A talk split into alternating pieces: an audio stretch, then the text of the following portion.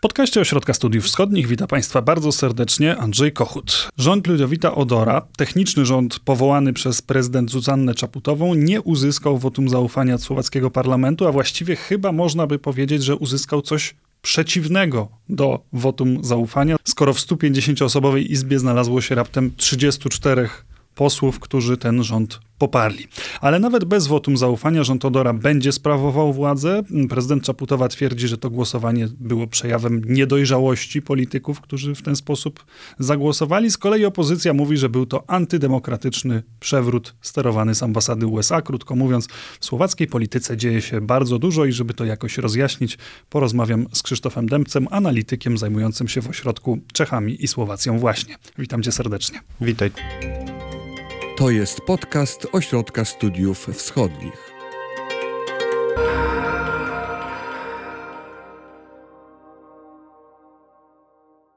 No dobrze, dlaczego rząd może przegrać głosowanie nad wotum zaufania i dalej rządzić państwem? No, dlatego, że o ile w przypadku niektórych urzędów przewidziane są okresy bezkrólewia, tak państwem musi y, jakiś rząd administrować. Y, w, tym, w tej aktualnie chwili y, Słowacją administruje właśnie rząd Ludowita Odora, ale nie działa jako mm, że tak powiem, pełnowartościowy gabinet, tylko jako rząd z ograniczonymi kompetencjami. Prezydent Zuzana Czaputowa powierzyła mu wykonywanie mm, obowiązków, które spoczywają na Radzie Ministrów.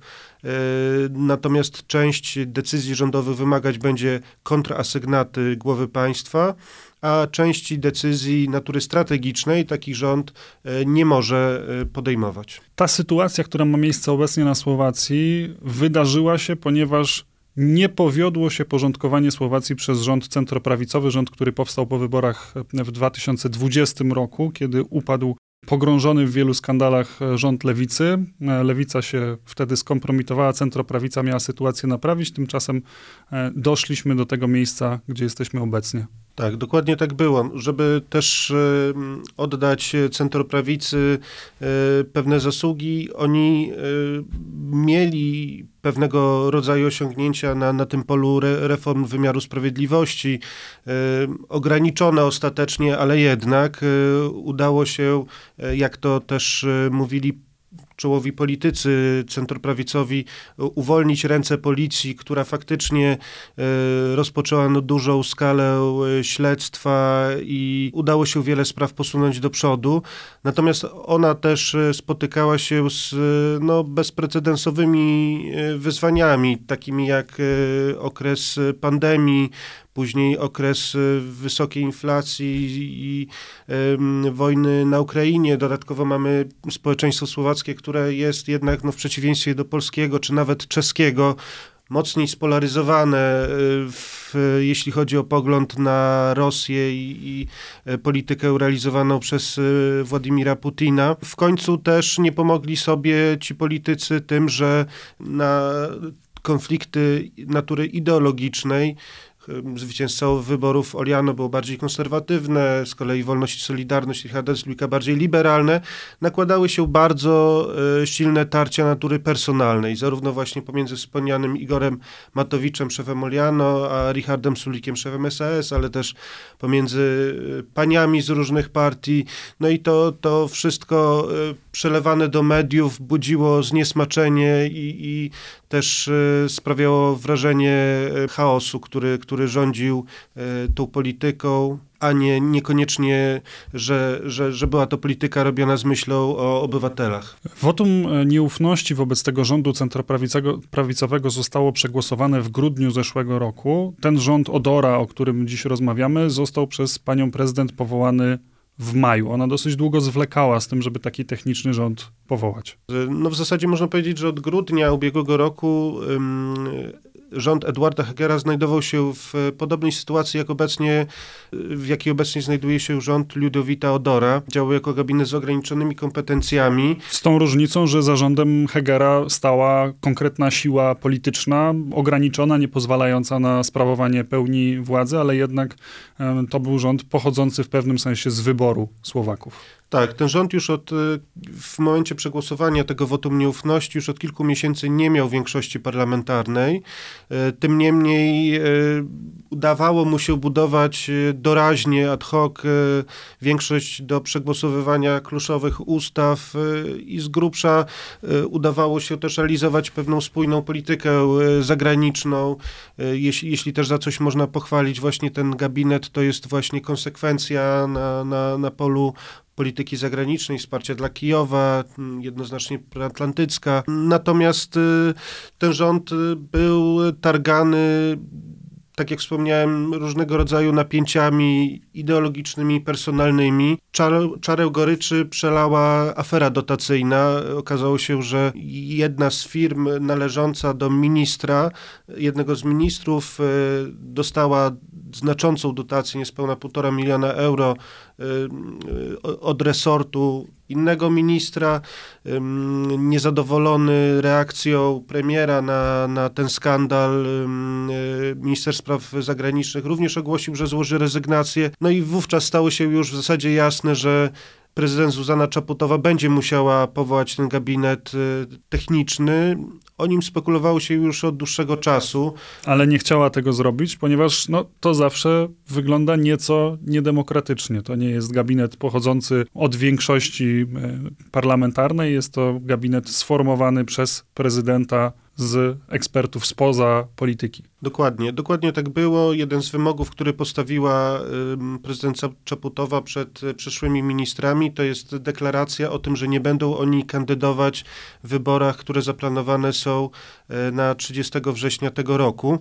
Mm, no i są to faktycznie często dość uznawani eksperci, chociażby minister finansów e, Michał Horwat z przeszłością w, jako główny ekonomista Banku Centralnego, czy, czy jako badacz na Uniwersytecie e, Oksfordzkim. Także sam premier e, Ludowi Todor to, to, to, to jest faktycznie osobistość, jeśli chodzi o świat, świat ekonomii słowackiej. Zresztą sam Samodor pochodzi z przygranicznego Komarna i etnicznie jest Węgrem, co, co zresztą niektórzy próbowali mu w trakcie, w trakcie mm, debaty przed głosowaniem nad, nad, nad wotum zaufania dla jego rządu y, wyciągać.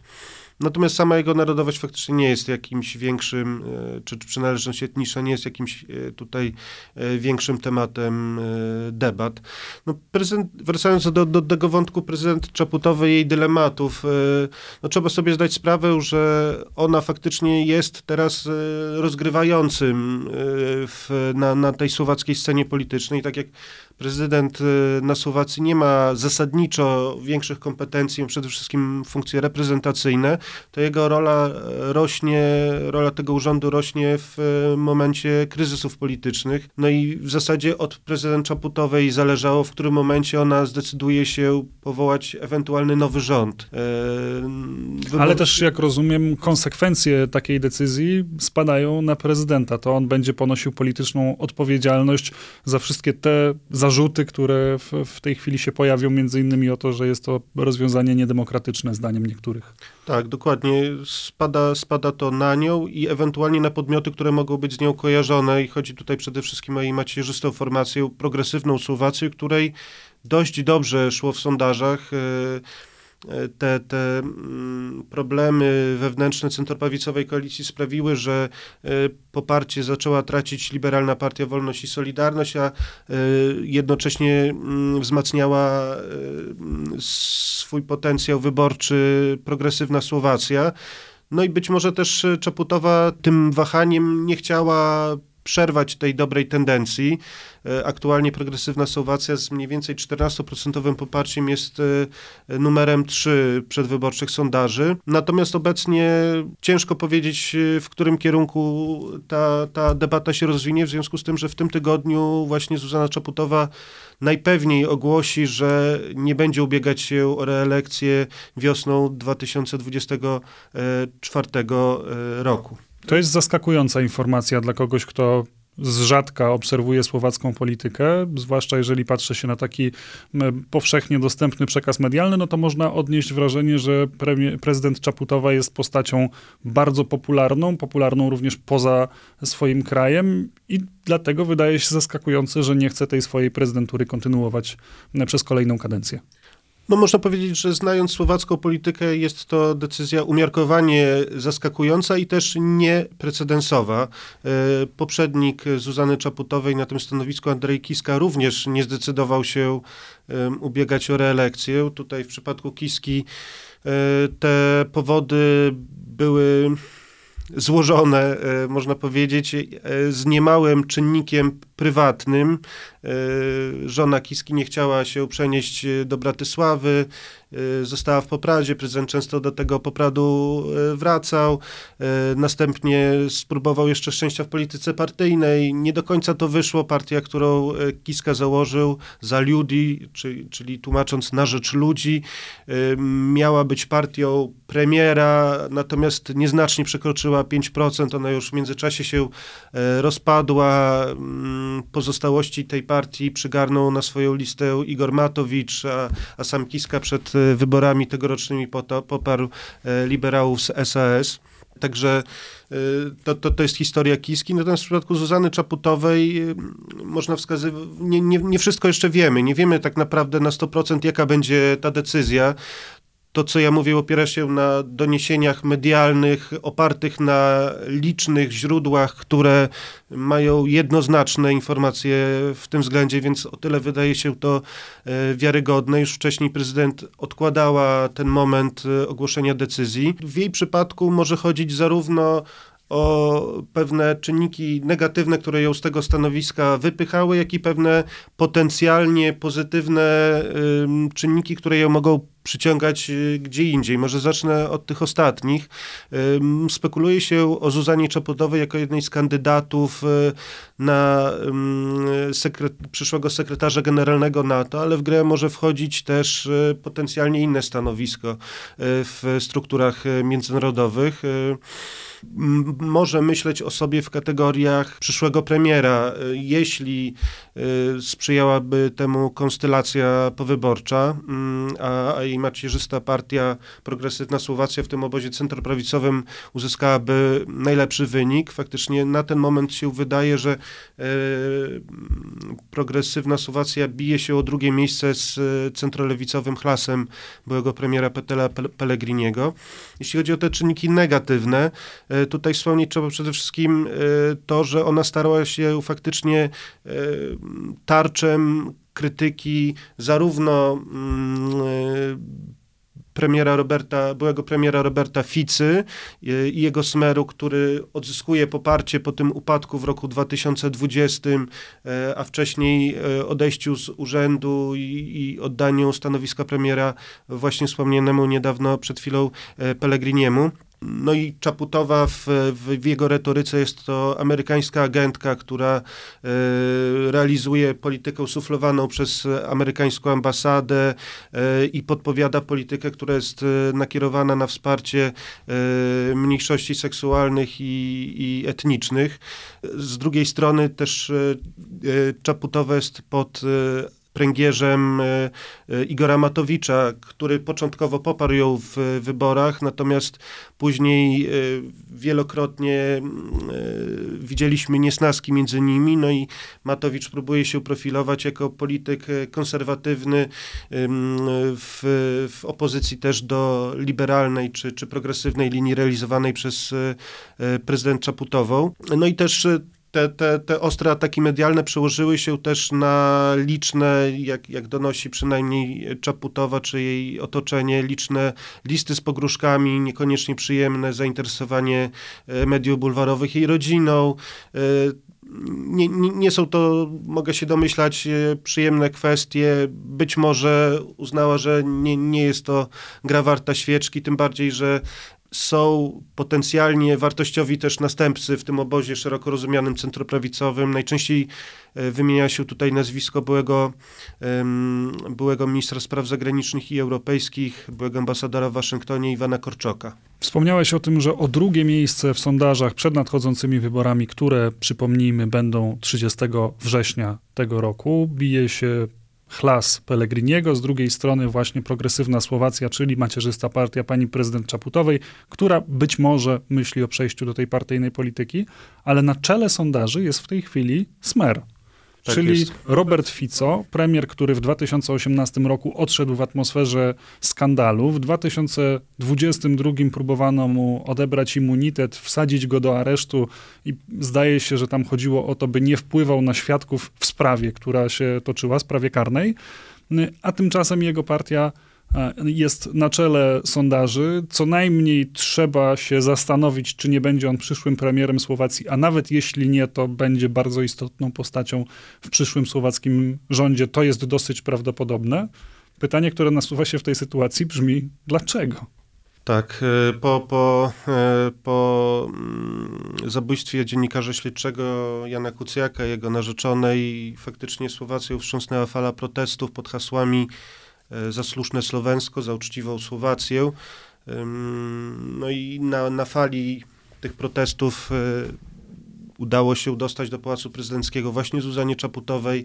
Następnie wybory w lutym 2020 roku wygrała wówczas przede wszystkim antykorupcyjna pa, partia Zwyczajni Ludzie Niezależne Osobistości Igora Matowicza, który, który właśnie najmocniej w kampanii te, te wątki walki z oligarchią, połączeniem tych styków polityczno-biznesowych uwypuklał. No ale później przyszło rozczarowanie. Tutaj mniej więcej rok po tym zabójstwie opublikowaliśmy taką książkę, taki mini raport, punkt widzenia SW, e, Słowacja, rok po zabójstwie Kucjaka, e, frustracja i nadzieja. Niedawno czytałem taki artykuł byłego szefa Jana Kucjaka jeszcze w redakcji e, Aktuality SK, który właśnie pisał, że teraz na Słowacji panuje raczej frustracja i beznadzieja i można powiedzieć, że w tej sytuacji, na tym tle e, ludzie wracają do pa, pamięcią do Ficy, który może nie był e, wybitny- Jaki był, taki jaki był. był, taki był, ale gwarantował pewnego rodzaju stabilność, też stabilność światopoglądową, bo y, chociaż, y, chociaż partia Ficy Smer y, należy do tego ugrupowania europejskiej socjaldemokracji, europe- europejskiej lewicy, to jednak odżegnuje się od niej w tych kwestiach światopoglądowych i opowiada się za zachowaniem status quo. Znaczy, to, to w słowackim kontekście oznacza brak związków partnerskich, ale też e, zachowanie stosunkowo liberalnego ustawodawstwa, jeśli chodzi o e, kwestie aborcyjne. No a z drugiej strony bardzo mocno e, akcentuje te tradycyjne lewicowe postulaty związane z, ze wsparciem socjalnym, z walką z drożyzną. No i też ostatnio często dodaje ten przymiotnik słowacka, słowacka socjaldemokracja, akcentuje takie tematy, które, e, na których e, wiele lat e, płynął też Władimir Mečiar, e, w latach 90. kojarzony z rząd- rządami quasi autorytarnymi, wątki antyamerykańskie, wątki umiarkowanie mm, też antyukraińskie, które znajdują posłuch jednak e, w znacznej części słowackiego społeczeństwa. I to jest chyba kwestia, którą musimy poruszyć na koniec. Jeżeli w przyszłym rządzie, co jest prawdopodobne, sporą rolę będzie odgrywał właśnie Robert Fico i jego Smer, to polityka Słowacji względem Ukrainy może się znacząco zmienić właśnie ze względu na te czynniki, o których mówiłeś. Tak, tutaj z tym zastrzeżeniem, że Fico jest jednak e, politycznym pragmatykiem, by nie powiedzieć cynikiem i on wiele razy już dowodził, że e, potrafił utrzymać bardzo dobre relacje z Berlinem, Brukselą, Paryżem, e, Waszyngtonem. Trzeba przypomnieć, że to rządy Smeru odpowiadały za dwa bardzo duże e, zlecenia, zamówienia e, wojskowe na myśliwce e, F-16, 14 myśliwców F-16 i, i śmigłowce Black Hawk, co, co zresztą wielu komentatorów zaskoczyło, ale potrafił to łączyć z retoryczną krytyką sankcji nałożonych po aneksji Krymu jeszcze wtedy na Rosję. Mm, no i wydaje się, że Fico może i tym razem zachować pewnego rodzaju pragmatyzm, natomiast na pewno w wersji, w tej warstwie retorycznej on zdecydowanie pewnie zbliżyłby się do polityki realizowanej obecnie przez rząd Viktora Orbana e, w Budapeszcie. No i też e, pytanie, jak wyglądałaby taka koalicja, bo jeśli, jeśli um, udałoby się utworzyć e, rząd lewicowy, szerokiej koalicję lewicową Chlas-Smer, wówczas zapewne premierem byłby bardziej szerzej akceptowalny na Zachodzie Peter Pellegrini i on pewnie e, dążyłby do łagodzenia tych e, e, retorycznych figur stosowanych przez Ficę, a z kolei przekaz Ficy byłby, tak jak teraz, realizowany bardziej pod kątem konkretnego segmentu elektoratu krajowego. A jest możliwy jakiś scenariusz alternatywny, że na przykład Pellegrini jednak postanowi nie łączyć sił z Ficą a na przykład z progresywną Słowacją albo jeszcze innymi ugrupowaniami e, i stworzyć rząd bez e, tego polityka, na którym ciążą no, rozmaite kontrowersje, delikatnie rzecz ujmując. Tak, e, na ten moment wydaje się, że właśnie Chlas jest tutaj kluczową partią w tych rozgrywkach powyborczych, że przyszłego rządu nie będzie, nie będzie można utworzyć bez udziału właśnie partii Petera Pellegriniego. Jeden wariant dla niego to jest właśnie układ z Ficą daje do zrozumienia, że jeśli zostanie do tego zmuszony w imię stanu wyższej konieczności, e, tutaj pada taki argument e, zapobiegnięcia koalicji e, z faszystami. Tutaj trzeba dodać, że mm, w słowackiej polityce tym określeniem przeciwnicy polityczni określają wywodzącą się ze, środowisk nazistowskich partią, partią Ludowa Nasza Słowacka i, i część działaczy, którzy z niej odeszli, Republika, zwłaszcza ta druga ma szansę, realne szanse dostać się do parlamentu i zyskać niezły wynik. Więc tutaj już byłby ten argument, y, dlaczego to zrobiliśmy, mimo że nie chcieliśmy. Natomiast y, też kroi się ewentualnie scenariusz rezerwowy czy, czy alternatywny. Być może jest to nawet preferowany scenariusz przez, y, dla, dla części działaczy mm, Chlasu, a mianowicie szeroka koalicja lewicowo-liberalna y, z udziałem właśnie być może progresywnej Słowacji, Partii Wolności i Solidarność Richarda Sulika, y, partii Smerodina, czyli jesteśmy rodziną y, oligarchy Borisa Kolara, który też ewentualnie mógłby brać udział y, w tym pierwszym wariancie Hlas Smer. No i też ogromne znaczenie będzie miało tutaj w tej układance politycznej to, które ugrupowania faktycznie przekroczą 5% procentowy próg wyborczy. Jest tutaj co najmniej sześć ugrupowań, które balansują tuż nad, tuż pod e, progiem wyborczym. E, no i faktycznie to, które z tych partii się ostatecznie do parlamentu, do Rady Narodowej dostaną, będzie miało kolosalne znaczenie dla e, tej układanki. Często właśnie ci politycy mówią, że to wyborcy tak naprawdę zdecydują, kto, kto będzie Słowacją rządził.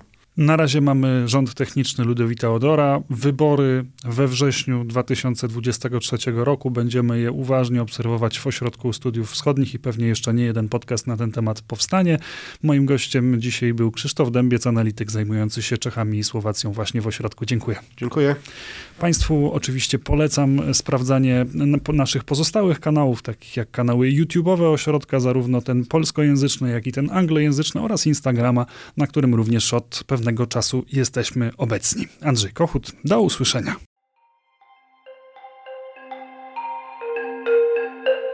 Wysłuchali Państwo podcastu Ośrodka Studiów Wschodnich. Więcej nagrań można znaleźć na stronie www.osw.waw.pl.